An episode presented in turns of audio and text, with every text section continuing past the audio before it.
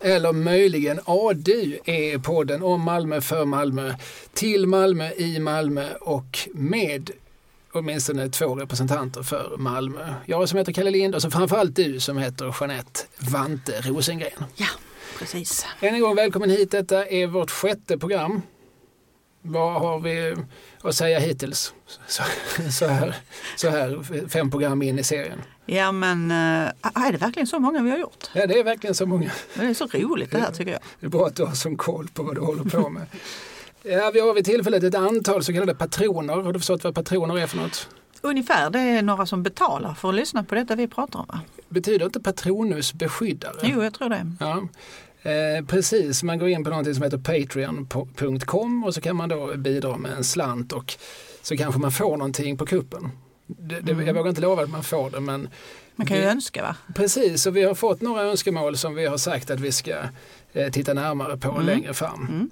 Och vi har väl också fått några förtydliganden, några rättelser och så av mm. olika saker vi har hävt ur oss. Mm. Du hade ju såklart rätt när du drog dig till minnes att Fubic Town, den gamla monologpjäsen, mm. spelades på konsthallen.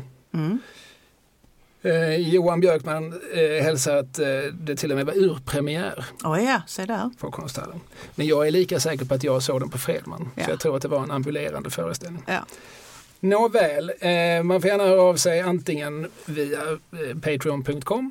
Det är det bästa, mm. för då kan man också ge en slant när man ändå är där. Precis. Eller så kan man mejla oss på adupod gmail.com.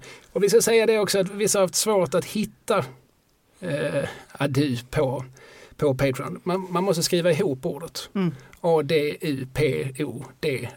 Ah, då går det bättre. Ja, ja för börjar man skriva A-du så blir det tydligen lätt adult. Oj, oj, oj. Och då hamnar man på poddar som Nej, det vill vi inte ha hamnar, handlar om, efter, efter vad jag förstår, fruktansvärda saker. Sånt som jag inte har någon erfarenhet av överhuvudtaget. Du, idag så har vi satt som rubrik berömda människor som varit i Malmö. Mm. Det finns en roman av Göran Tunström som nog heter Berömda män som varit i Sunne. Precis. Så det, om man tyckte sig känna igen rytmen i titeln så tror jag att det var därifrån mm. det, det vi lät oss inspireras av. Eh, och vi har eh, pratat ihop oss lite och jag sitter här framför mig med vad jag tror är en tio i topplista. Ja, spännande. Mm. Eh, fem namn var har vi bidragit med. Men jag tänker, ska vi, bara för att det ska bli någon sorts spänning, ska mm. vi liksom börja och säga så här, plats tio. Ja, visst. Och så räknar vi liksom ja. neråt. Ja. Och så blir då ettan blir liksom av sammanhanget det, största och viktigaste. Mm. Men vi kan ändå ta varannan. Mm. Vill, du, vill du börja på plats 10? Jag kan börja på plats... Det innebär att jag får ettan. Då. Ja, ja, men det, eh, ja. Är det okej okay för dig? Ja, det är absolut ja. okej. Okay. Ja, Du är ju mannen med fyra hjärnhalvor så att jag Ja, du är en kvinna med, med två. Mm. får jag hoppas. Nej, men på plats 10 då, då har jag Christopher Isherwood. Ja, men det är spännande. Mm. Som var en brittisk författare. Mm. Och för många, eller för de flesta tror jag han är mest känd för att han skrev Farväl till Berlin. Precis, som sen blev pjäsen I am a camera. Precis, för det är ju öppningsrepliken i boken nämligen. Jag är en kamera. Just det. Ja. Sen blev det i sin tur en scenmusikal som heter Cabaret. Som i sin tur blev en långfilm som heter Cabaret. Mm. Med Liza Minnelli. Precis. Från 72. Mm. Mm. Oerhört känd, många kända sångnummer inte minst. Men hur som helst, Christopher Isherwood han han, han kom från en, eh, han hade gott om pengar i familjen då så han gick på internatskola som ung. Och väl där så lärde han känna en annan brittisk författare, nämligen W.H. Auden. De blev tillsammans, de blev ett par. Och eh, sen när de hade gått ut skolan så flyttade de till Berlin i slutet på 20-talet. Det var en bättre plats att bo på om man var två män som ja. tyckte om varandra. Med, all största säker eller med största säkerhet var det så. Vi är i Weimarrepubliken, alltså mm. det här lilla fönstret mellan första världskriget och Hitlers maktövertagande 33. Och eh, jag tror att där och då var det absolut mest hbtq-vänliga platsen på jorden. Ja men precis och det är klart där, man skulle ju välja att vara med på den tiden ju, eller hur? Ja, Som en gånger. fluga på väggen. Ja, ja. Eller? Jo, nej men verkligen. Alltså, kulturlivet blomstrar ja. just med liksom, sådana här källarkabaréer. Ja. Och, eh, väldigt mycket transgender och så Mm. men också på, på alla sätt och vis Karl Gerhard och Ernst Rolf och så var, ju, Mm. var ju ofta där och Inspirerad. inspirerades slash stal. Mm, ja, ja. Men där bor dessa två då och sen så, um, och jag menar orden i sig, han är ju också värd en utvikning. Jag tror inte han har varit i Malmö men han är ju um, mycket intressant han också. Uh, hur som helst, det, när, när det liksom tar slut mellan dem så börjar Isherwood resa runt i Europa. Och han gör detta ett antal år på 30-talet, ute mycket och håller föredrag på olika ställen. Och eh, den 30 november 1934 så anländer han Malmö medelst färjan från Köpenhamn. Mm. Och han ska då till eh, Norra Vallgatan till Grand Hotel där. Där man har bjudit in honom för att han ska hålla ett föredrag om eh, sitt liv i, eh, my, hur var det nu föredraget var? My life in an English, British film studio eller någonting sånt där. Mhm. Men när han kom då och folk stod nere vid färjan och mötte honom så var de, blev de ju genast upprörda malmöiterna för att han hade ju inte fått någonting att äta och dricka i Danmark. De hade ju behandlat honom för jävla dåligt. Är detta sant? Det skriver han själv i sin biografi som heter Christopher and his kind. Jag tänker danskarna brukar inte vara sena att bulla upp med både fett och bajer. Nej, nej, så tänker jag med. Men det är klart det är 30-talet där, man vet inte hur mycket ister som rymdes i, i tunnorna hos dem just då. Men han, han var i alla fall utsvulten och, och hungrig och sådär. Så att vad man gör är att man tar ut honom på lokal innan föredraget. Och han får en massa mat, gott och så här härligt skånskt. Och sen så får Vilken han... lokal vi på? Ja, det vet jag faktiskt inte. Det skriver han nämligen inte. Nej. Fånigt nog. Men, eh, men det, det är inte på hotellet då för att man, han skriver någonting sen om att, man, att vi gick tillbaka till hotellet och då var han ju så liksom på snusen. Jag förstår. Ja. Så att alltså, plötsligt, "Ah, jag ska hålla ett föredrag. Och det här var första gången, skriver han, som han har hållit ett föredrag eh, onykter. Har du gjort det någon gång? Eh, jag, jag vågar nog säga nej, men jag... Mm, risken finns att jag ljuger. Men, Mm. men jag tror inte att jag har gjort det. Jag kan inte spontant komma ihåg att jag har gjort det. eh, kanske att det har funnits kvar lite i kroppen Ja, sen kvällen innan. Eh, men, och där är, vad sa vi, 34. Ja, så men- Malmö är alltså, det är en historisk plats på det viset att det var där Christopher Isherwood första gången höll ett föredrag på Lyran. precis. Mm. Och varför jag tänkte att om, fråga dig om du hade gjort det var för att han berättade att det blev en succé. För att han, han märkte ju snabbt att det var inte bara han som var full, publiken var ju också fulla. Så han skrattade och publiken skrattade och allting blev så bra liksom. Och efteråt fick han de bästa rekommendationer och han tyckte det här hade gått riktigt bra. Du är inte alls som en engelsman lär de ha sagt till honom. Var hölls föredraget? På Grand Hotel, på Ja. det här huset som var ganska nu, byggt 1930 tror jag. Så det står ju där på hörnan av Norra Vallgatan och ja, kanske är det mest Johansgatan. Kommer inte riktigt ihåg just nu. Ja, ja, men vi är i kvarteren ganska nära eh, centralen. Ja. Mm. Funkishus, hur som helst. Mm. Se där, Ja. det var tionde platsen. Mm. Eh, ska vi ta på nionde platsen och riva av Yuri Gagarin, ja, såklart. den första mannen i rymden. Mm. Eh, en eh, symbol för eh, kommunist-Sovjet. Eh, han som åkte i den här farkosten som hette Sputnik i den här liksom, kapplöpningen mellan eh, de båda stormakterna USA och Sovjet Mm. som ju väldigt mycket kretsade kring rymden. Sovjet var ju först med det mesta. De var liksom först i rymden, första kvinnan i rymden, första Mm. djuret i rymden, Mm. första mannen i rymden. Mm. Men eh, USA var, hade de första gubbarna på månen Mm. och det visade sig vara det som räknades. För det är vinnarna som skriver historien. Så är det. Men Gagarin var onekligen först och eh, han eh, åkte sen runt på någon slags propagandaturné i Europa och hamnade då bland annat i Malmö. Det där skriver Jacques Werup om. Mm. För han eh, påstår sig, jag, jag vet inte varför han skulle ljuga, men han påstår sig gå förbi brandstationen i alla fall där. Där ju då eh, Gagarin bland annat som en hedersbetygelse blir hedersbrandman Mm. och får åka sån här stegbil. Just det. Vilket ju säkert var roligt för honom men han hade ju varit högre upp än så. Ja, det hade han ju faktiskt. Men det som är allra roligast är ju då att en av dem, eh, när man då skulle göra någon slags rundtur, sightseeing, så du får se liksom det här moderna socialdemokratiska Malmö, så tog man honom bland annat till, vad är det för, för KF-butik som låg på Nydala? Mm, det var väl Solidar va? Eller är det Konsum? Jag kan inte säga Nej, jag vet exakt inte. då. Konsum, Domus, Solidar, mm, någon mm, av de här mm. butikerna. Som alltså vad vi skulle säga ett ganska ordinärt snabbköp. Snabbköp, ja. Mm. Ja. Eh, Men han lär ha blivit mycket imponerad av vad han såg, för så Mm. såg det inte ut i Sovjet. Nej. Och så bodde han på ett hotell som ligger ganska nära här, va? det är Mm. Hotell Arkaden. Mm. Och det, jag, jag tänker vi ska återkomma till Hotell Arkaden senare i detta, Ja, vad spännande. avsnitt faktiskt.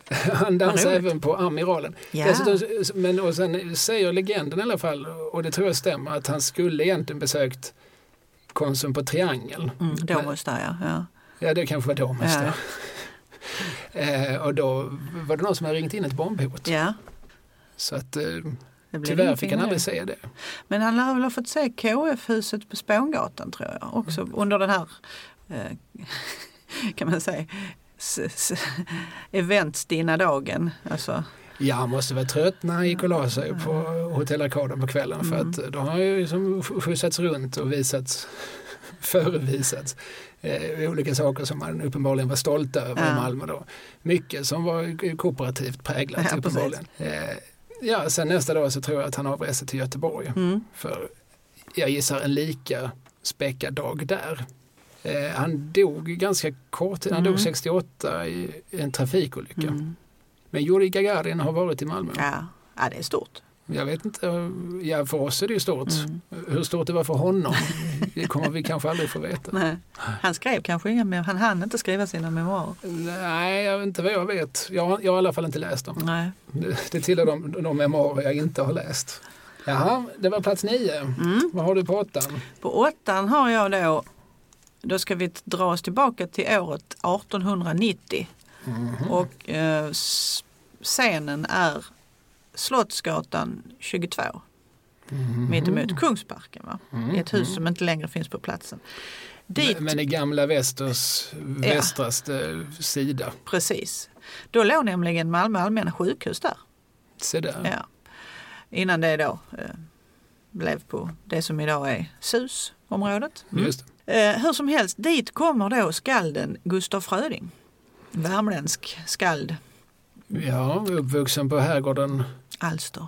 och sedermera hamnade han väl i Uppsala, men det kanske Mm. inte hade gjort det ändå. Men 1890 har han ju ännu inte debuterat. Nej, och det är det som är det intressanta. Han, däremot, han var ju kronisk alkoholist. Mhm.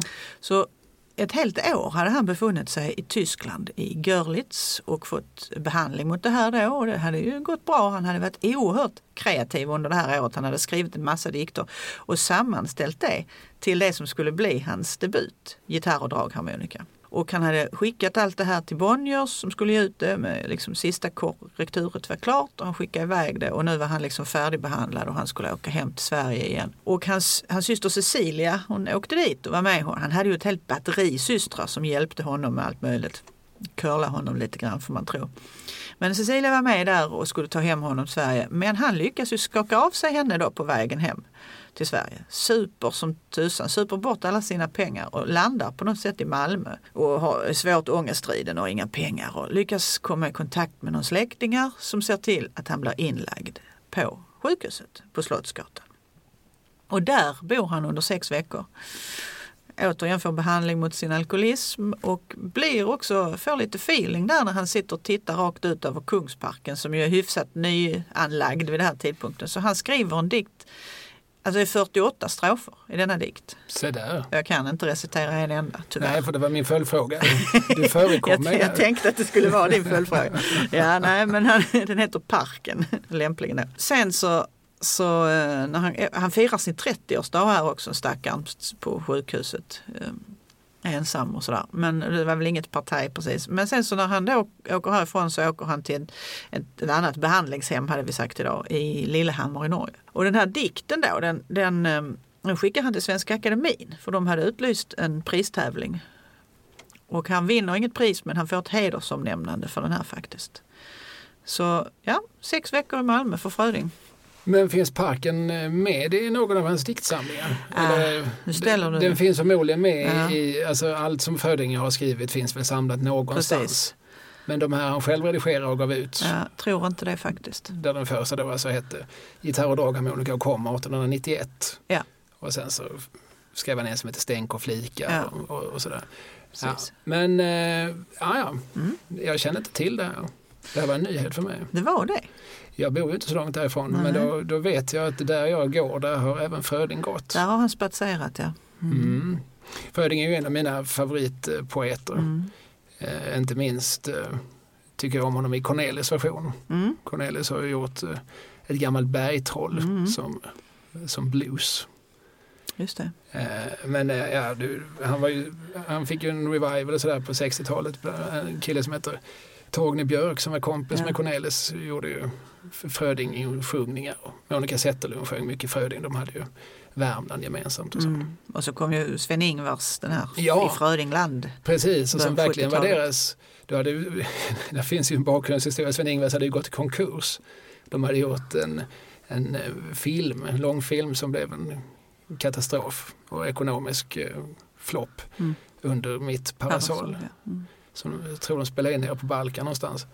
Jag kan blanda ihop det här med Hepstars film som löpte ungefär samma öde till mötes nämligen. Men eh, så gjorde de den här plattan lite på vinst och förlust. Det var inget, inget ska ni verkligen liksom, ni hålla på och sjunga så fin poesi och så. Ni är ju med liksom ett, ett gladrockband som de var vid tiden. Mm. Men det blev ju deras, hade de inte gjort den skivan hade de förmodligen inte fortsatt. Mm. Så det var deras räddning. Mm.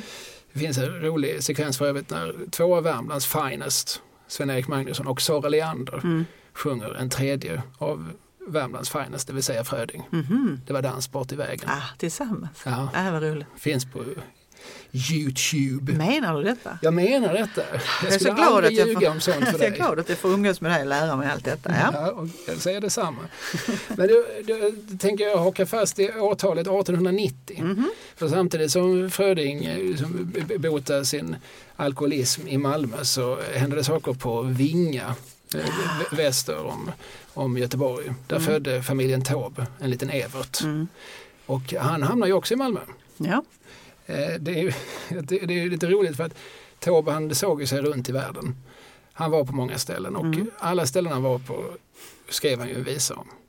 Han var i Argentina. Det resulterar i många visor. Han, Mm. han satt en sommar ungefär tror jag han var på Malö Mm. i, ja var det nu ligger, det ligger ju i Bohuslän i jämte Tjörn och Orust och så här. Då, där så- såg han ju en ung flicka som hette Maj och det blev omedelbart en, en melodi och så här. Mm. Eh, överallt var han var så skrev han en sång. Mm. Malmö tror jag inte har gjort några avtryck alls i hans diktning. Och då var han här ändå, hur länge var han här? Var det inte ett helt år? Ja, alltså, jag har snappat upp här läsåret 1904-1905. Mm.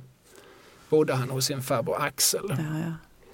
I någonting som då följdriktigt hette Villa Axeltorp. Mm. Finns det kvar? Jag tror inte det. Det är ute på Fridhem någonstans va? Fridhemsvägen 19. Ja, ja. Trodde jag att du skulle plocka. ja. Så jag- där blev jag besviken. Jag sätter upp det på min, min minusspalt. Minuslistan. Ja. Oj, oj, oj.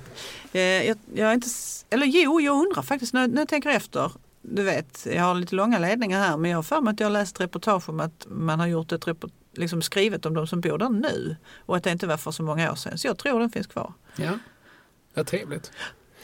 Eh, men där bodde han i alla fall och som sagt hos sin farbror. Han hade en kusin som hette Mattias Taube som var målande konstnär och som, som fanns här och som eh, ja, han tog lite mål, målningslektioner för. Han var ju inte bara diktande, komponerande poet och artist. Han var ju också både aktiv konstnär och inte minst romanförfattare. Precis. Ja. Det var det han själv ville lyfta fram mest. Han ansåg ju att han var en smula förbisedd. Svårt att tänka att Evert Taube skulle vara förbisedd. Ja, nej, men han ansåg att det, liksom, själva stommen i hans konstnärskap det var ju hans romaner och de var det ju aldrig någon som riktigt talade om. Det hade han lite problem med. Men han bodde här alltså som sagt Men varför var han här? 1904, Vet du 1905. Ja, det- jag, jag, jag tror de var ganska många barn, Mhm. många syskon Taube. Mm. Så att, eh, det var väl praktiskt på något sätt. Eh, Han, han var inte eh, något vidare i skolan efter vad jag förstår. Mhm. Det var väl någon som tänkte att får han lite luftombyte och hålls borta från dåliga kamrater och, Ja. och ja, man börjar om lite på ny kula så, där, så, så kanske det blir bättre. Men han, ja, han var ju 14-15 års åldern. Det är ju Mm. en tid då man kan vara lite känslig för miljöombyten också. Såklart. Mm. Jag vet att han gick på, på Borgarskolan då, som den gången låg på Repslagargatan Mm. på, på Väster också. Mm. Jag har läst mig till detsamma. Så även Evert Taube har gjort sin tid i Malmö, Ja. gott folk. Mm. Han lämnade dock avresa till Göteborg 8 maj 1905.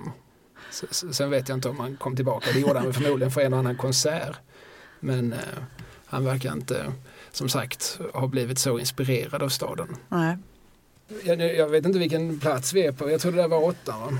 Nej, det, det måste ha varit sjuan. Så vad, Vi har ju, jag har nämnt två stycken herrar här i alla fall. Ja, jag, har alltså, jag nämnt kan två. varna för detta att eh, det blev många herrar. Ja, jag känner detsamma. Men det är inte vårt fel i historiens. Ja, det är det. Mm. Jag har, jag har försökt hitta kvinnor men det är inte lika lätt. Och man ska ju säga också med de här människorna att eh, ja, kända människor som har varit i Malmö, det dräller det ju av. Men ofta har vi tagit de som inte har varit här i just sin profession om man säger. Nej precis, det är väl inte liksom att Chuck Berry har gjort en spelning Nej. här. Det är Precis. väl såklart roligt för både honom och Malmö. Mm. Men, men eh, nej precis, vi försöker ju se lite grann bortom det mest, eh, det mest självklara. Mm. Men har vi några kvinnor då? Ska vi, har vi Ehm. det ska vi i så fall kasta in. Ja men vi kan kasta in, nu. vi kastar in en, jag har en kvinna här som vi kan kasta in som heter, nu är vi i modern tid Kalle. Mm. Ja, det låter obehagligt. Eh, hon heter Mariana Simionescu. Har detta någonting med tennis att göra? Ja, jag vet ju att idrott inte är din starka, eller din, det är du mest intresserad av. Va? Men, det är det inte, men Nej. jag är ju lite intresserad av skvallerjournalistik. Ja. Och, eh, för det gjordes ju många skämt. Hon, för hon, visst dejtar hon en svensk, ganska känd Södertälje-född tennisspelare. Precis så var det. En av 56orna. Ja, Burken. precis. Eller Björn Borg. Björn att- Burkenborg. Och det var ju många skämt på det temat. Mm. Jag har hört att Björn Borg har börjat med Mariana. Precis. Mm. Eh, Mariana är också född 1956 precis som Björn och hon kommer från Rumänien. Hon var Rumäniens bästa damtennisspelare. Högerhänt sådan. Hade eh, ja, lite olika singelvinster i olika mästerskap som jag inte ska trötta dig med. Men eh, i Wimbledon som ju är en känd tävling kom Mm. hon som bäst till 16-delsfinal. Men då slogs hon å andra sidan ut av den som senare vann hela tjottaballongen. Så att eh, det Och var vem det bra. alltså? Ja, hon, jag har naturligtvis detta på en fusklapp. Jag kan inte detta utan till. Men eh, hon hette Virginia Wade. Ja. Jag visste nämligen att du skulle fråga det så Ja. därför hade jag det på en fusklapp. Men eh, hur som helst, Mariana då, hon eh, träffar Björn Borg i Paris 1975. De är 19 år båda två. De är, möts på ett hotell under en tennisvecka. Och de är vackra och de är unga och det är kärlek. Och ja, pressen älskar det här såklart. Och de får posera på alla möjliga ställen och ställa upp en massa intervjuer. Och sen lever de som, är de ju ihop, så blir de ju ett par. Och de är ju framstående tennisspelare båda två. Och de sparrar hårt mot varandra. Men eh, efterhand som tiden går så upptäcker hon att eh, hon får liksom lägga av med sin karriär för att Björn ska kunna fortsätta med sin. För han hade ju ändå mer framgångar än vad hon hade, eller större framgångar. Var, var detta helt logiskt? Alltså, Ibland när det där läggs fram, det Mm. var samma sak. Jarl Kulle träffade sin hustru Anne som var en framstående skådespelerska Mm. och då fick hon ju ställa in sin karriär. mm, Eller eh, Hans-Tugo Järegård och träffade Karin som, som också var liksom en, en, lysande och upphöjd skådespelerska. Men då fick, då fick ju hon Mm. såklart. Det läggs fram som en sorts självklarhet. ja, eh, jag har lyssnat på intervjuer på just Youtube med Mariana där hon nämnde liksom att nej men det var eh, Eh, inte på något sätt så att Björn tyckte att hon skulle sluta men de levde så intensiva liv, de reste så oerhört mycket så skulle båda fortsatt så skulle de aldrig kunna träffas i princip. Ehm, och så, så kände väl hon att hennes karriär kanske inte, hon blev inte så riktigt så bra som hon hade hoppats. Så att hon, hon la det mer eller mindre på hyllan och så fortsatte hon att resa och leva med Björn. Men hon fortsatte ju att spela tennis. Hon, hon, han tränade ju mot henne dagligen. Och hon har ju sagt då att ja, men om jag hade fortsatt så hade jag blivit bäst i världen. För att så bra som jag var när jag spelade mot Björn var jag liksom inte när jag var aktiv. Ja, hur som helst, vad har nu detta med Malmö att göra undrar du? Ja, det undrar jag faktiskt. De gifter sig 1980 va? Och eh, jag tror det är samma år, då kommer de till Malmö, kommer Mariana till Malmö med Björn har ju med sig, men det är Mariana som har ett ärende hit. Och då kommer in i handlingen en intressant person som hette, heter Bror Onni Nordström. Det är ett dubbelnamn det där, Bror Onni. Det är ett ovanligt namn. Ja, jag tror hans mamma var finska. Jag tror det har med det att göra. Fin, finländska. Han är alltså en gammal ishockeyspelare från Malmö. Och, eller han är från Ystad men han har spelat i MIF och han eh, är också promotor och han är tennis, eh, ja, vad ska vi kalla det? Någon sorts eh, spindel i nätet? Ja. Någon sorts eh, manager? Han är manager och han är en sån som upptäcker unga lovande, vad kan det nu heta, talangscout kanske? Vi säger så, mm. så förstår alla vad vi menar. Oerhört intressant person. Men han har, disponerar vid tiden en stor lägenhet på Bergsgatan. Mitt Vilket över. nummer? Lågt nummer, Mm. ska vi säga fem? Alltså nära Amiralsgatan? Ja, precis. Där ungefär. Mm. Mitt över där, där bor vid tillfället min frisör. Detta är ett sanningsvittne.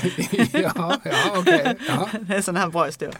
Frisören har också en frisörsalong i samma hus. Och han känner ju den här Onni och dit tar ju Onni de här olika spelarna som ska klippas inför olika framträdanden. Det är en ung Mats Wilander, det är en ung Stefan Edberg och Joakim Nyqvist och allt vad de nu hette, de här unga killarna. Dock icke Björn Borg. Men vid ett tillfälle så, så får de besök för att då, då ska Mariana, nämligen kommer hon till Malmö för att fixa sina tänder. Se där. För vi är duktiga på sånt i Malmö tydligen. De kunde inte det i Monaco. Nej, nej. Det förvånar mig just i imorgon. Hade du sagt att de inte var så bra på det i Bukarest så, Mm. så hade jag kanske kunnat tänka mig, ja men det kanske inte var det Ceausescu satsade mest på. Nej. Men i Monaco trodde jag nog att de hade lite koll på garnityren. Det kanske är just för att hon kom från, från Rumänien som hon hade något eftersatt tandvård gissningsvis. Eller så. vara. Ja.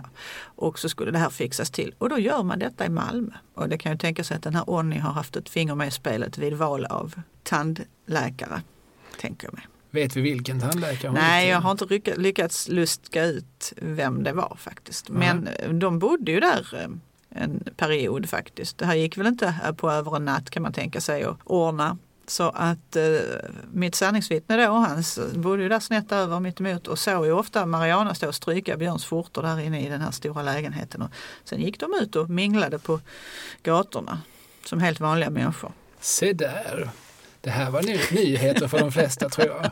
Ja, jag hade att komma med. Kanske inte ett skop men nästintill. Sen träffade jag Björn, Jannike Björling och Ja. sedermera och hon Loredana Loredana, mm. Berté. Mm. Och sådär. Men eh, han kanske var som allra lyckligast under åren med Mariana. Ja, det är nog inte orimligt att anta det. Ja. Eh, Då fick vi med åtminstone ett fruntimmer på listan. För Mm. nu tänkte jag kompensera med att slänga in två gubbar på en gång. Mm. Eller två ynglingar är de vid tillfället. De Mm. är väl då 26 och 24 när de kommer till först till Falsterbohus Mm. och sen till Malmö. Eller de möjligtvis kommer till Malmö först. Hmm. Egentligen är det så här, de är nog hemma i London. Mm. Vi pratar alltså om eh, elbasisten respektive sologitarristen i ett framgångsrikt Liverpoolband som heter The Beatles. Mm. Paul McCartney och George Harrison. Eh, De har hört talas om att deras guru Maharishi Mahesh Yogi, Mm. en sån här eh, tjockis i särk som åker världen runt för att frälsa folk Mm. och när han ändå är igång även ligga med olika unga damer. Mm. Han befinner sig på Falsterbohus. Mm. Berätta allt om Falsterbohus. Oj, oj, oj, oj. Ja, men det var ju ett oerhört välkänt sånt där resort på sin tid. Va? Och nu ska vi inte förväxla detta Falsterbohus med borgen Falsterbohus som var en medeltida, ett medeltida slott där drottning Margareta eh, son dog i pesten. Mm, nej, vi förväxlar 1300-talet. inte nej, det. nej, vi gör inte Nej. det. Men det hette likadant. Ja, just det. Ja. På Falsterbohus som jag inte tror finns kvar. Det Eller? gamla? Nej, Nej. Alltså, det, det är nya. Finns Ja, det är väl eh, bostäder idag helt enkelt. Ja, just det. Och det, huset tror jag det kallades bland eh, folk i farten. För det, det, där hängde folk i farten. Mm. Eh, dit kom eh, liksom jetset Mm. från eh, åtminstone halva världen och Ja. vistades. Sten Broman var ju där Ja. varje sommar. Det är väl kanske det som är mest bekant. Men eh, sådär, liksom, Tommy Berggren, dåtidens unga garde, var, var där och eh, slog runt. Och eh, Maharishi Mahesh Yogi var där för att hålla ett av sina seminarier i transcendental meditation, Ja. TM. Mm. Och detta hör John, eller George och eh, Paul, som är de i Beatles som är mest inne på detta, de har hört talas om det. Att eh, jaha, han är liksom, han är nästgårds. ja. ja, ja. från deras perspektiv är det väl närmast nästgårds då. Så de flyger från London till, till Falsterbo för att medverka där och få lite andlig vägledning och någon sorts liksom, injektion av Mahesh Yogis, eh, vad det nu är han har, någon sorts andlig styrka och kraft. Mm. Det här kommer ju ganska snart till lokalbefolkningens kännedom. Mm. Och det, färden sen från nerifrån Falsterbo till Malmö lär ha varit vådlig. För att eh, allt fler djungeltrummorna går ju. Pressfotografer och så kommer Mm. på att det här måste vi föreviga såklart. Så, och det är ju en enfilig väg vid tiden Mm. mellan Falsterbo här som eh, då många försöker liksom preja stackars Paul och George för att eh, Alltså, egentligen inte av något elakt syfte men de vill ju ha en bild och Ja, kanske en autograf och säga hej. vill. Och, Vem vill inte det? ja, precis. 67, va? Var det, va? Ja Eller? precis, så det är, de har väl släppt uh, Sgt. Pepper tror jag i, Mm. i, i, eh, på, på våren. Det här är oktober, 15 oktober 67 Ja. för er som för bok. Eh, och sen är de, de hamnar i alla fall också i, i, i Malmö då. Mm. Och då finns ju det här berömda att de vill ta sig en bit mat på Rådhuskällaren. Mm. Men där står en dörrvakt och säger We have a slipstvång. Mm. We have what we in Sweden call slipstvång. och de har ju inga slipsar, de har ju hippa broderade mönstrade skjortor. Mm. Så att de får inte komma in på Rådhuskällaren. Nej. Eh, Så de får istället gå till restaurang Tunneln då på Mm. Adelgatan. Och sen så flyger de hem.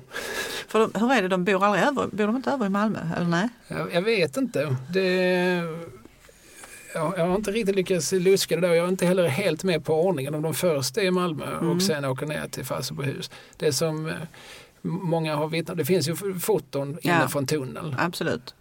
Eh, Så att jag tror att eh, min känsla är att de först tar sig till Falsterbo och sen Lite För- vickning på kvällen. Ja, precis. Och sen så tar de sig säkert hem på något sätt. Mm.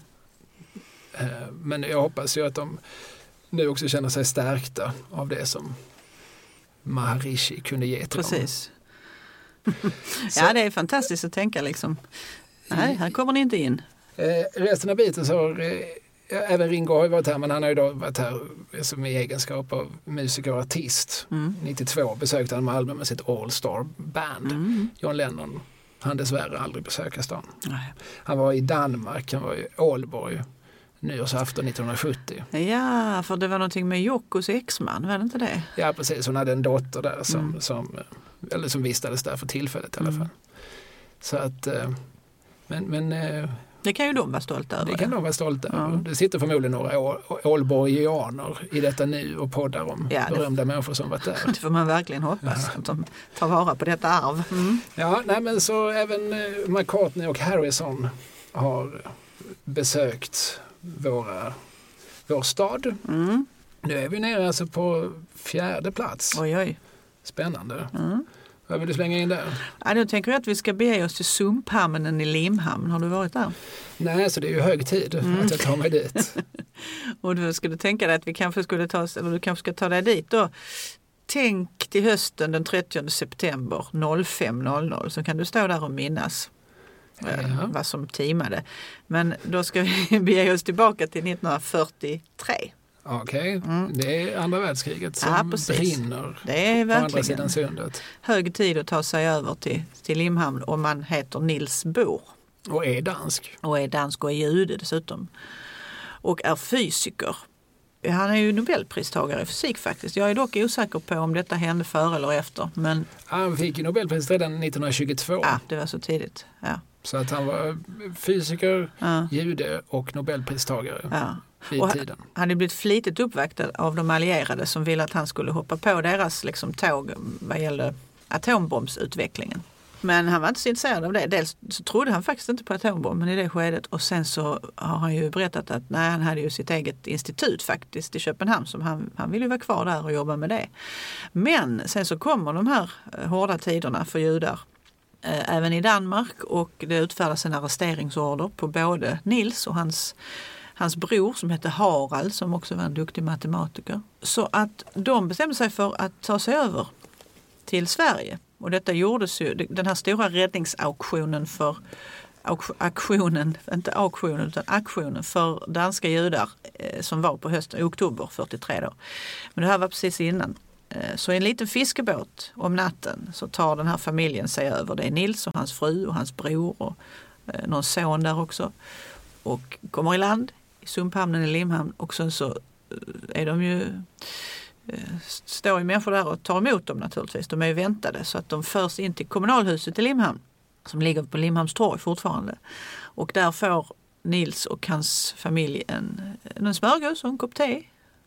Och eh, värma sig lite, får man anta, prata lite innan man då flyger iväg honom till Stockholm. Mm. Och där vidtar diskussioner med regering och kungahuset faktiskt och han försöker jobba för de danska judarnas sak och sådär. Men sen så ska han då flygas vidare till Storbritannien och det, nu blir det dramatiskt. Va? För då lägger man honom i bombluckan på ett moskitoplan. Oj. Och eh, ger honom en syrgasmask. Men den här syrgasmasken är för liten. så att när man eh, går upp över Nordsjön för att man ska då undvika det här tyska luftartilleriet så sjunker ju, faller trycket och då blir han medvetslös. Oj. Ja, visst, det är väldigt dramatiskt alltihopa. Och sen så får man ju då eh, dyka. För att liksom, och han kvicknade ju till så småningom. Och de landade i Skottland och allt gick väl och så. Men ja, det är märkligt det där. Han klarar sig undan liksom eh, för förintelsen men syrgasmasken var för liten. Så ja, kunde det också ha gått. Ja, så kunde det ha gått. Mm. Det var dagar som nästan skakade världen. Mm. Ja. Så var det Men eh, slutet gott, allting gott. Mm. Kom han tillbaka till Danmark efter kriget? Ja, men det gjorde han ju. Mm. mm. Eh, allting är kanske inte gott, det kanske är lätt cyniskt att säga så, mm. eh, apropå andra världskriget. Men eh, för Bors del så, så klarar han sig relativt oskadd. Det gjorde han.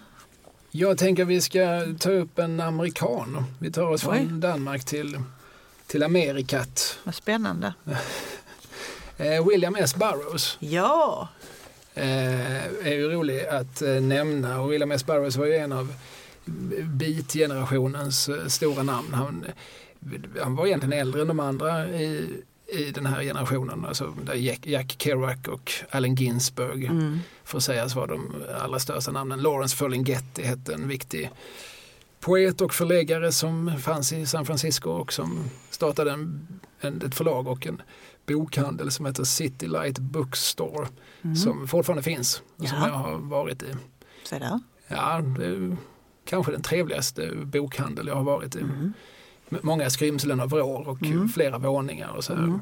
har ju onekligen ett, ett gediget rykte och en, en historia att vara stolt över. Mm. Alltså beat-generationen, alltså vi pratar alltså tidigt 50-tal, mm. det, det, det, är ju liksom amerikanska vita män som börjar Eh, dels att eh, bli fascinerad av buddhism och eh, som österländsk mystik. Mm. De är också väldigt inne på jazz och som anser kanske någonstans lite sådär exotiserande att den, den, den, svarta kulturen den är som någon slags urkultur. Så, som, de, de dyrkar ju den sådär men, men de gör ju den samtidigt till, till eh, kanske lite primitivare än vad den var. Ett antal av de här är ju stora liksom, författare och poeter. Det gjordes någon som beatfestival i Malmö mm. för inte så gräsligt länge sedan. Vi, alltså vi pratar 00-tal. Mm, mm. Då bland annat eh, Jack Kerouacs änka var här mm. och läste ur sin bok. Hans, hans berömda bok heter On the Road mm. och hon skrev långt senare en bok som heter Off the Road. Mm, om hur det var att vara kvinna ihop med de här de här männen som, mm. som gick runt och dyrkade varandra på heltid. ja, det kan man verkligen säga var bromance va? Det kan man säga. eh, och William S. Burroughs, han var lite, egentligen lite äldre än de andra. Han, men men eh, Kerouac och Ginsberg var väldigt liksom, fascinerade av den här eh, killen som kanske var typ 20 år äldre än dem och som levde ett mycket dekadant liv han råkade väl skjuta sin fru på fyllan Jaså. när de lekte Wilhelm Tell. De gjorde det? Ja, alltså det är lite oklart hur det gick till. Men ja, Klarar hon sig? Jag tror inte det. Oj. Uh, och uh, ja, han tog sig så småningom till Tanger mm uh, där han ägnade sig åt sjölevnad. Och dit åkte Kerouac och Ginsberg faktiskt och liksom plockade ihop honom men plockade också ihop alla de manusblad som låg utspridda över hela hotellrummet. Mm. Och det blev till boken The Naked Lunch Ja. som väl var hans stora verk som kom 59, Mm. kom på svenska 78 och där finns det ju en sekvens från Malmö. Ja. I detta, den här liksom kultbibeln Mm. så besöker ju eh, Burroughs Malmö. Jag tänkte jag skulle läsa ett stycke. Mm. Han beskriver, det är en lång, lång mening här, men sen så kommer vi till Malmöbiten. Och det som slår emot en när man stiger av Malmöfärjan, inom parentes, Spånken är skattefri på färjan Mhm. i Sverige, slår omedelbart all den där billiga skattefria spriten ur kroppen på en och gör en totaldeppad. Bortvända ögon och kyrkogården mitt i stan. Varenda stad i Sverige verkar vara byggd runt en kyrkogård. Och inget att göra på eftermiddagen. Inte en bar, inte en bio. Och jag rökte upp min sista reefer på gräs från Tanger. Och jag sa, KE, det är hans kompis, Mm. låt oss gå raka vägen ombord på den där färjan igen. Mm. Där, där, Där satte han ner foten. där, där har man, det är Malmös fotnot i världslitteraturen. Det, han är här, konstaterar att eh, här finns en kyrkogård och inget att göra. Och så åker han tillbaka till. Danmark. Ja, måste röka på för att liksom glömma Malmö.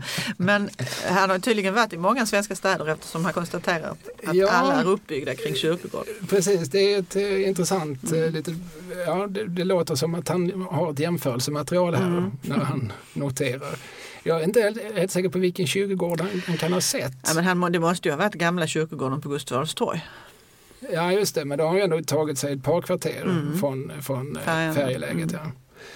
Ja, eh, ja det, William S. Burroughs han blev mot alla odds. Han var ju som sin, sin tids Keith Richards. Han blev ju som 90 plus eller så här. Ja, ja. Vilket eh, de flesta läkare inte skulle ha gissat på. Han han till och med, tror jag, samarbetade lite med Kurt Cobain ja. och sådär in på 90-talet. Jag Mm. tror det finns någon skiva där, där, där Kurt på samma sätt som en gång då eh, Kerouac och Ginsberg som suttit och dyrkat den här Mm. liksom gamle vise i deras värld. Eh, han med insikterna. Han som redan på 40-talet knarkade sig till insikt. ja, just det. Nåväl, jag tycker det är en rolig, rolig liten detalj att eh, Burroughs var här och var inte nöjd. Nej, och s- tog vändande färja hem ungefär. Ja. Ja, Nej, men Evert Taube, han lät ju i alla fall bli att skriva något om det, men det gjorde inte Burroughs. Han hade den goda smaken. Mm. Ja, just det. Vad har vi kvar på listan? För det här var, hävdar jag, plats nummer tre. Ja, det var det kanske. Ehm, nej, men det är ju svårt det där att hitta eh, kvinnor som sagt. Så jag hade ju en förhoppning om att jag skulle kunna göra en spaning om drottning Kristina. Mm. Jag har inte hittat så mycket om henne men när hon skulle, ja ni vet hon åkte ju till Rom. Hon abdikerade Hon från abdi- tronen. Ja det gjorde hon ju. Hon abdikerade från, från tronen 1654 och lät sin kusin Karl X Gustav bli kung. Och han har ju haft en viss inverkan på Malmö. Han vet, vi har, han- var kanske aldrig här. Jo det var han. Han var faktiskt här och inspekterade. Han kom i, i, på Östergatan nerbäddad i släde eh, med fina fällar runt omkring. Han skulle ju eh, i mars någon gång 1658, 9 mars tror jag faktiskt. För det finns ju någon historia om att när svenskarna, eller skåningarna fick kapitulera för Mm. den svenska konungen så var han inte ens närvarande vid tillfället. Nej, Utan de fick ju svor- någon slags symbolisk. Mm. De svor sin trohet mot en tom stol i rådhuset. Men Just det är ju lite tidigare då i februari. Just det, just det. Sen kom han faktiskt. Men, men Ja, visst, så- han står ju staty också på, på Stortorget. Ja, till många skåningars förtret. Mm. 130 kilo ilsket fläsk är det någon som har kallat honom. Ja, Och vi citerar det gärna. ja det är så bra. Han lär ha ätit varje dag två 24 rätters måltider. Och när det var fest så var det två 200 rätters måltider Mm. som serverades. Avsmakningsmeny kallades det redan då kanske? Eller? Ja precis, vi får väl förutsätta att, att, rätterna, att det var så, så kallade mellanrätter. Mm. Men hur som helst, det, är ju en, det, det var ett stort kök. Ja. Som, Ja men så var det ju. Men han, han, han var ju kung sex år. Sen när han dog 1660 då kom ju faktiskt Kristina tillbaka till Sverige. Och det är vid det här tillfället som hon då har passerat, eller hon har hur mycket hon var i Malmö, det är det jag inte har hittat så mycket spaningar om. Men hon var i alla fall i Oxie, så mycket vet vi. Oxie var ju då inte inkorporerat i Malmö än. Men eh, vi kan väl ändå bara lite så parentetiskt nämna att hon faktiskt har rört sig. här. Men det var egentligen inte henne jag skulle prata om. Nej, Nej, jag skulle prata om det var en bubbla. Ja, tog ja, det var bara en liten, eh, Ja, ja. för att hon råkade... Mm. Så vem skulle du prata om? Ja, men jag skulle prata om Brian Jones. I Rolling Stones? Ja, precis. Gitarrist och lite allt möjligt. Grundare inte minst av The Rolling Stones. Och också en av de fyra i den ursprungliga 27 Club. Ja, just precis. Var han inte den första kanske till och med? Jo, alltså inom loppet av ett och ett halvt år så dör ju då Brian Jones, Janis Joplin, Jimi Hendrix och Jim Morrison. Mm. Alla vid 27 års ålder. Mm. Så det är ju de ursprungliga. Jag nämnde Kurt Cobain har ju sedermera anslutit sig till klubben men då är vi ju, det är ju Just det. 94. Va? Och Amy Winehouse. Just det, det är Mm. ännu senare. Ja. Mm. Hur som helst, Brian Jones var här alltså. ja, och då vet ju många, känner ju många till den här när de var här första gången tror jag. När de hängde med Britt Wadner och, Och Ola Ström. och Ola Ström. Och, och, Olas syster Ingela. Precis. På Farsens väg. Och allting blev filmat. Och, sådär. Men det är inte den, det tillfället jag tänker på nu utan nu är vi faktiskt i mars, månaden 24 mars 1967. Det är mycket som 67. händer. Ja, alltså, det det är här- bara några månader innan eh, Paul McCartney och George Harrison är här. Precis. Och då är Stones här igen. Fast nu ska de inte spela i Malmö. De spelade ju på, på ishallen då eh, några år tidigare när de var här. Men nu så ska de inte spela i Malmö utan de ska spela i Helsingborg på Idrottens hus tror jag det heter. Men oavsett så kvällen innan så bor de i Malmö och de bor på Hotell Arkaden just Mhm. på Baltzargatan. Och då, då är det så här att Brian Jones han, eh, han är tillsammans vid den här tillf- tidpunkten med Anita Pallenberg Mm. som senare också blir ihop med Keith Richards. Just det. Mm. Och han är eh, påverkad av olika substanser och han är full och han är allt möjligt och han vill bara att Anita ska komma. Så, så receptionisten på hotellet hon är lite upprörd för att han ringer oavbrutet till England. Och, och det är ju dyrt naturligtvis på den här tiden och vem ska betala för det och han ska prata med henne och kan man ordna så att hon flygs hit omedelbart annars flyger han hem. Han hotar alltså hoppa av hela turnén och det är inte långt kvar nu faktiskt tills han ska bli utkickad eller vad man sa från Stones. Alltså han fick ju inte vara med i bandet längre. Nej, Keith Richards tyckte att han var lite för svår på, Mm. på, på sponken. Ja. Men i alla fall, på något vis så, och han är tydligen så pass dålig så att man får tillkalla en läkare. Alltså han är nästan okontaktbar han har slatt i sig en massa substanser. Så han ligger i ett rum där och skakar på Hotell Arkaden och bandet, de är tydligen vana vid det här för de säger bara ja men ring en läkare så får det ordna sig. Och så ringer man en läkare och eh, den som har skrivit om det här trodde ju att han var i princip död. Men så kommer läkaren och vad han gör det vet vi inte. Men en halvtimme senare så kommer Brian Jones ner oklanderligt klädd till eh, matsalen och så går man ut och äter någonstans. Och, En vanlig dag i Brian Jones liv. så kan man väl säga. Ja. ja, det är ju sorgligt öde såklart på Ja. många sätt och vis. Han drunknade så småningom i sin swimmingpool. Ja. Det var så det gick. Mm. Stones blev betydligt äldre. Alltså bandet Stones Ja. blev mycket äldre än en av dess enskilda medlemmar. Mm. Visst var han också tillsammans med en svensk eh, Ja, när han, kvinna? vid, när han dog så var han tillsammans med Anna Wolin Just det. som ju då eh, fick ett telefonsamtal i det här stora, han bodde i en stor herrgård någonstans och eh, rusar upp för att ta det här samtalet och när hon kommer tillbaka ner till poolen så ligger han ju död och det är ju fler runt om den här poolen då. Men de har inte noterat detta. Nej, och de har framförallt inte försökt att rädda honom så att eh, när hon hoppar i då är det för sent. Och det var väl någon hantverkare där, en av dem, som sen på sin dödsbädd tillstod att han hade faktiskt mördat Brian Jones. Är det sant? Ja, eh, det vet jag inte, men hans, den här hantverkaren sa det vid sin dödsbädd. Ja, Och det är inte sant så många år sedan. Ja. Ja.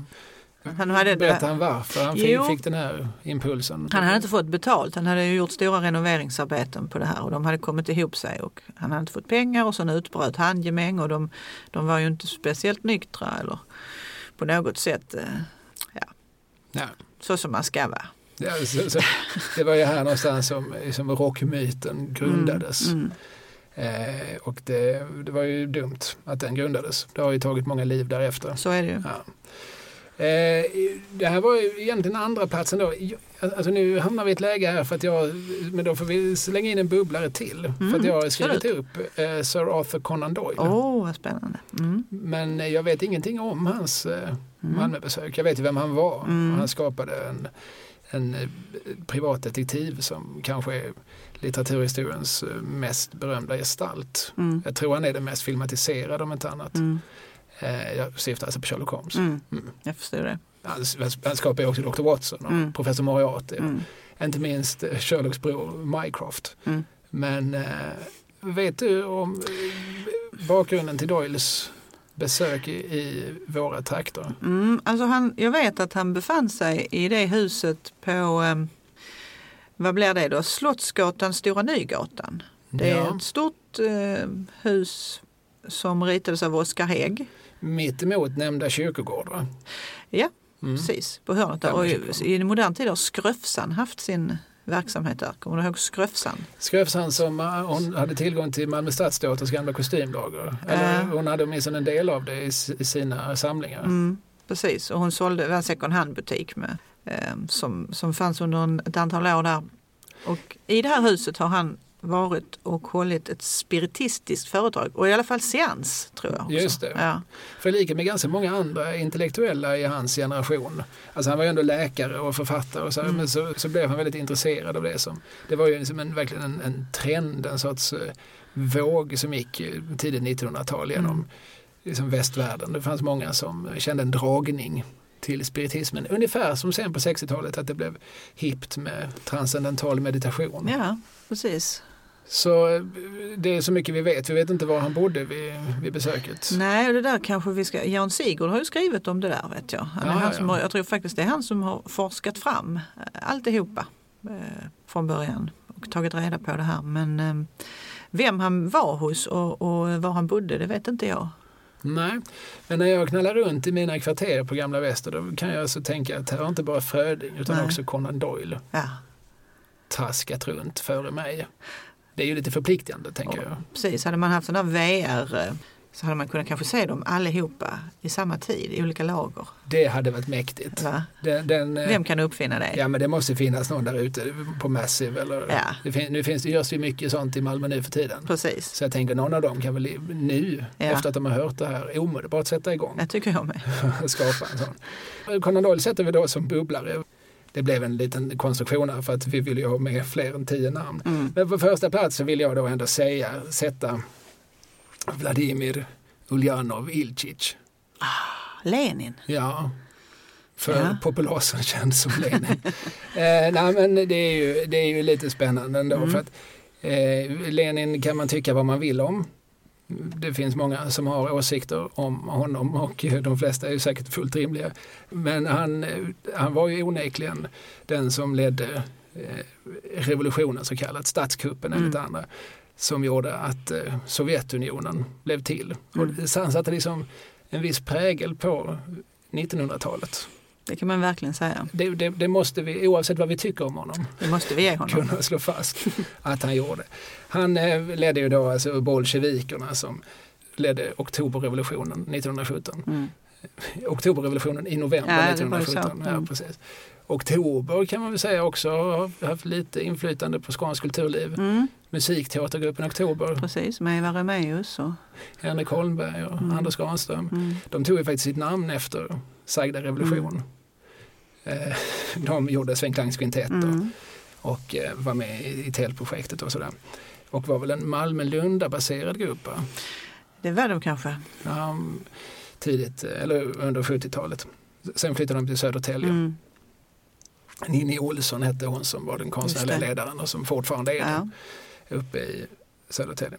Men, men hur som helst, E- Eva Remaeus i all ära. Mm, Eh, Lenin har haft ännu mer inflytande på Mm. 1900-talshistorien. mm. Johan hade suttit ett antal år nere på kontinenten. Jag vet inte hur länge han var där. Eh, men för att han blev ju landsförvisad först och sen så Ja, han lär ha suttit i Finland ett tag och i Schweiz ganska länge. Mm. Och sen gick väl då budkavlen från eh, gamla hemlandet Ryssland, från Sankt Petersburg, att Mm. nu händer det grejer här. Mm. Det var ju en första liten, eh, vad ska vi säga, testrevolution i februari Mm. då eh, liksom, tsarens välde fick sig en rejäl törn och eh, det gungade betänkligt under tsarens fötter. Och så. Mm. så, så att på något vis går djungeltrummorna ner till kontinenten. Vladimir, kamrat, kamrat Lenin, nu, nu är det dags. Så då sätter han sig på ett tåg som går genom Europa. Eh, det är någonting där de sätter sådana plomberade vagnar Mm. Genom Tyskland. Just det. Det vill säga att de hade ingen möjlighet att gå av och ingen hade möjlighet att gå på. Nej. Men det, men det fick de någon sorts specialtillstånd. Mm. Och så åkte de genom Tyskland. Och sen så är det väl via Trelleborg. Mm. De kommer med, med tågfärjan Victoria. Just det. Som, och vad, vad heter den tyska hamnen alltså? Är det Travemünde? Eller det, Det vet jag faktiskt inte. Nej. Men de kommer i alla fall till Trelleborg Ja. och sen vidare till Malmö där de Mm. gör paus. eh, Och eh, då bland annat går på Savoy. Mm. Och enligt vad jag har snappat upp åt de smörgåsbord. Just det. Det låter väl rimligt Ja, absolut. att det serverades smörgåsbord Ja. på Savoy om inte annat. Såklart. Eh, och eh, nu kommer här en liten utvikning som jag tycker ändå är lite spännande. En bok vi inte tog upp när vi pratade om Malmöskildringar i litteraturen. En bok som heter 40 lyckliga inom citattecken år. Mm. Eh, skriven av eh, Stellan Sundahls gamla parhäst. Mm, Gunnar Bernstrup ja. Ja, precis. Mm. Och eh, Jörgen Westerhov som bland annat hade en revy ett antal år på Södran, där, alltså Folkets hus på Mm. Nobeltorget. Mm. Och har gjort, de har skrivit massor med grejer till Pildammsteatern och farser och sånt där. Den här boken, För till lyckliga år, den är inte en, en komisk bok i första hand. Där finns en del liksom roliga eh, liksom spaningar och detaljer och så, men det är en, en så kallad kontrafaktisk historieskildring. Mm. Jag, jag vill minnas att den är från 2005, jag kan ha fel. Eh, Men den kommer åtminstone efter Hasse Alfredsons bok Attentatet i Paul Mm. Som, och där måste jag ju kunna, Mm. kom 96. Det ska du kunna. Ja det ska jag kunna, alltså skäms, jag bör skämmas om inte det, om inte det var korrekt. Eh, nej men, och den handlar ju om eh, liksom, hur det hade blivit om Sverige blivit anfallet av Hitler under andra världskriget. Mm. Och på samma sätt, de gör liksom en motsvarande tankelek. Vad hade hänt om Sverige efter andra världskriget blivit en av Sovjetunionens lydstater? Det blev ju trots allt ett antal grannländer. Alltså, vi behöver inte ta oss så himla långt för att hamna i Polen, Östtyskland, Estland, Lettland, Litauen. Mm. Så att om det sovjetiska väldet hade sträckt sig också in i vårt land, hur hade det då blivit?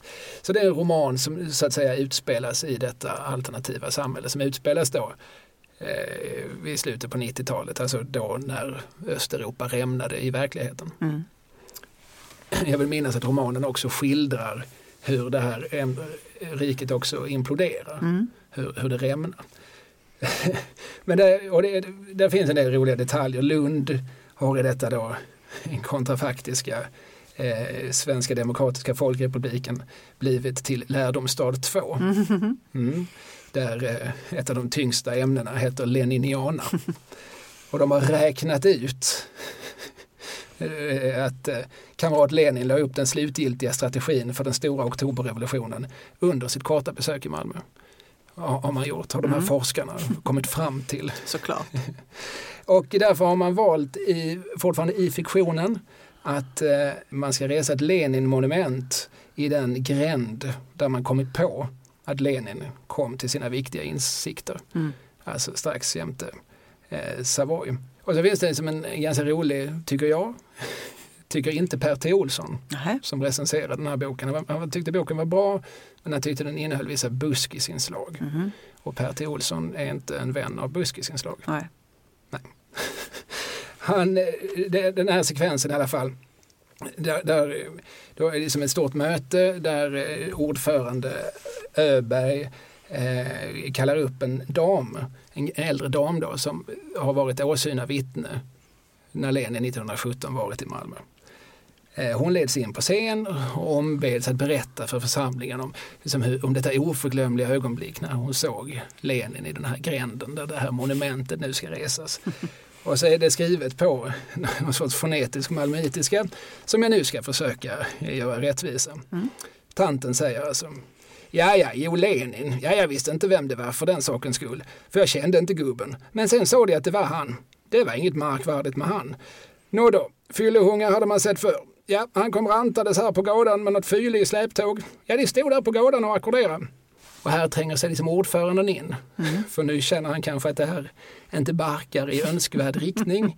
Utan ordföranden säger, men så, som av en outgrundlig ingivelse som endast den som vet kan förstå, så beslöt sig kamrat Lenin för att uppsöka den historiska portgången. Ger han henne som en sorts stickreplik. Mm. Och då svarar tanten, ja han blev väl nödig den fan. Och så gick han in här på vår gård. Jo då, den fräcke karren drog fanta mig ner brallorna och satte sig för att skita. Va? I vår port? Jag vet aldrig att jag sett en karl skita så mycket på en och samma gång sedan dess. Men han var väl full av det. Mor sa till han att han borde veta hut, men det begrep inte han. Han pratar ju bara främmande språk. Så vi frågade inte efter det. Men där stod Lenin med röven bar. Ja, ja, jag minns det som igår. Jo då, Lenin har skitit i vår port. Så han har. Jag tycker det är ganska fint fångat Mm. malmöitiska alltså, av Absolut. författarna. Mm. Eh, och det här vet vi alltså ingenting om. Jag tror inte det var så här i verkligheten att Lenin tömde sig just där för de hade väl ändå klosetter på, På Savoy. Savoy får man förmoda. Ja. Det får man förmoda. Men, eh, så, så det är som ett, ett av många utslag av författarnas eh, frihet. Mm. Men eh, jag, jag, tror de gör en, jag tror de har rätt, paret Bernström Westerhov, att om det hade blivit så, Mm. Gud förbjude, Mm. att även vi blivit en del av Östeuropa, så hade ju det här Malmöbesöket varit någonting som hade framhävts. Naturligtvis. För onekligen var det ju så, det, det kommer vi kanske aldrig in på, att han sen härifrån tog sig till Stockholm Mm. och sen så med tåg upp till Haparanda och sen Mm. så tror jag de tog släde Mm. över Finland. Mm. Och liksom fyra, fem dagar senare så anländer de då till, till Sankt Petersburg där de ju faktiskt eh, startar, grundar ett rike som ju sen står till 1991. Mm. Ja, Nej, Jag tänkte på, jag, jag har en granne, eller jag hade en granne kan man Mhm. säga. Eller vi har inte bott i huset samtidigt.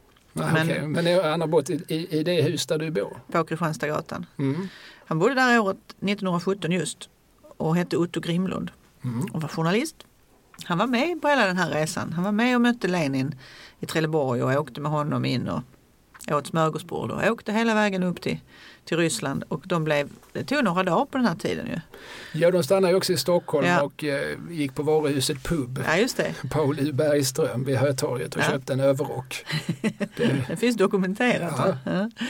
Jo, där var Grimlund med och, och de, blev goda de blev så goda vänner faktiskt så att i familjen Grimlunds ägo finns det fortfarande ett stort porträtt i olja föreställande Lenin som han då har gett till sin gode vän Otto. mm. Mm. Kanske inte så lätt att hänga det på väggen numera men Men det beror på vem man är. Det Ja. finns ju en hotellägare i Varberg som Mm. har mycket, många Lenin-artefakter. som- som ett, man, inte minst ett bad. Ja. Nej precis, man kan ligga där och plaska och Mm. titta på en av 1900-talets största massmördare. Eh, Det är många som väljer att göra. Mm. Man kan ju köpa små golfpaket. Mm. Så man badar med Lenin på kvällen och spelar golf på dagarna. Det är outgrundliga äro Herrens och Lasse Didings vägar. Precis. Eh, ja men Otto Grimlund är ju en jättespännande person. Ja men det är han. Han, han var ju ehm, Ja, han var Malmöpåg faktiskt. Han var en son till en handskmakare i Malmö och bodde som sagt bara ett år i det huset där jag bor. Men det var ett väldigt händelserikt år. Ja. han satt, jag tänker också så här när jag går omkring att, i huset att han har suttit på kammaren och, och kanske ned, skrivit sånt som tillsammans med Lenin kommer att förändra världshistorien. För han var ju själv också politiker. Mm. Han var kommunistisk politiker och sedermera socialdemokratisk och startade HSB så småningom och var aktiv bostadspolitiker och sådär. Så det är, det är en spännande person, verkligen. Jag, jag kan minnas fel men, men det finns ju en bok som vi kanske kommer att återkomma till som Olle Svenning Mm. Som ju många år har skrivit i Aftonbladet Mm. har skrivit. Boken har, den har lite så här krånglig titel, den heter Lojaliteter inom parentes S. Mm. Min, min fars lojaliteter heter den väl? Just det, så är det. Ja. Min, min far inom parentes S lojaliteter. Ja. Den ligger i någon mån till grund för Magnus Gertens eh, dokumentärfilm Far till staden. Mm. Och både boken och filmen handlade om Olles pappa, Erik Svenning, Ja. som var en av de så kallat röda patriarkerna. Han, han, var- han eh, HSB-ordförande? Han satt, jag vet att han satt i Stadsteaterns styrelse och han hade en massa olika uppdrag. Han satt väl i olika politiska nämnder Mm. för Socialdemokraterna? Så var det. Ja. Eh, och eh, gjorde det väl det tills han gick och dränkte sig i kanalen Ja. på 70-talet. Eh, men han, i den här boken i alla fall, så har Olle Svenning tecknat ner ett, ett eh, minne från sin barndom. Han och fader Erik går runt, jag tror det är Folkets park och alla möjliga människor kommer fram hela tiden och hälsar på Erik Svenning och så. så kommer det fram en man som ser lite bedagad ut och, eh, och då blir stämningen lite annorlunda. Det är väl därför Olle har lagt detta på minnet. Mm. Han märker att det är någonting med den här mannen som Erik eh, avvisar honom på något vis samtidigt som han visar honom också någon sorts respekt. Mm. Och så frågar Olle sen vem det var och det var då Otto Grimlund. Mm. Han gjorde goda saker för partiet en gång. Mm. Eller lik något liknande. Mm. För det var väl så att Grimlund sen eh, rönte ett lite sådär sorgkantat öde till mötes. Han eh, började norpa lite från partikassan mm. för att täcka sina egna hål. Precis, det var någon form av oegentligheter med ekonomi. Mm. Eh, men in, långt innan dess så, så tillhörde han då mm. Eh, Lenins entourage. Och det ska ju sägas uppe i Stockholm så stod ju också Hjalmar Branting som sen blev mm. den första socialdemokratiska statsministern och tog emot. Mm.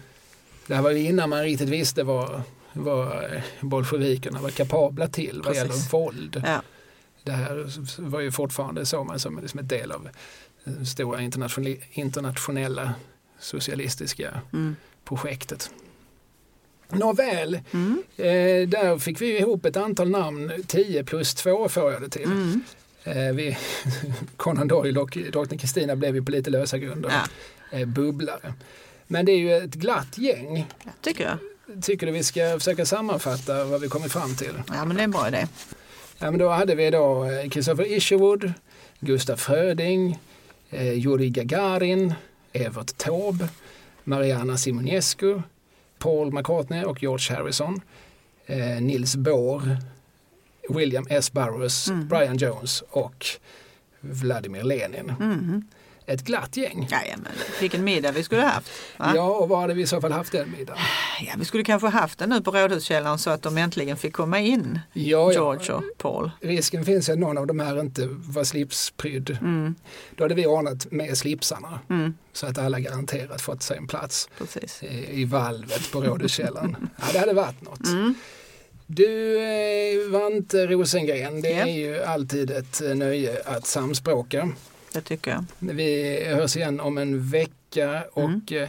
vi kan ju, jag sa ju det inledningsvis men jag kan upprepa det att man kan gå in på patreon.com om man vill skänka en slant och även då kan man passa på att eh, eh, säga någonting mm. om man vill det. Man kan också kanske önska ämnen. Ja.